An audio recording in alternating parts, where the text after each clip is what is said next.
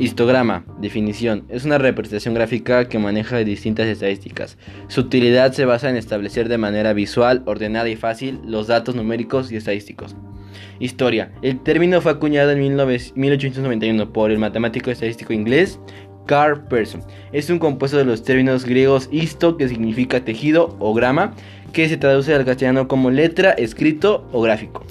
¿Qué muestra un histograma? La acumulación o tendencia, la variabilidad o dispersión y la forma de la distribución. ¿Para qué tipo de variables se usa? Es adecuada para representar variables continuas y se puede usar para variables discretas. Se puede mostrar gráficamente la distribución de una variable cuantitativa o numérica. Algunos de sus ejemplos son de barras simples, son las más utilizadas, de barras compuestas permiten introducir información y de barras agrupadas se rigen por solamente una información específica.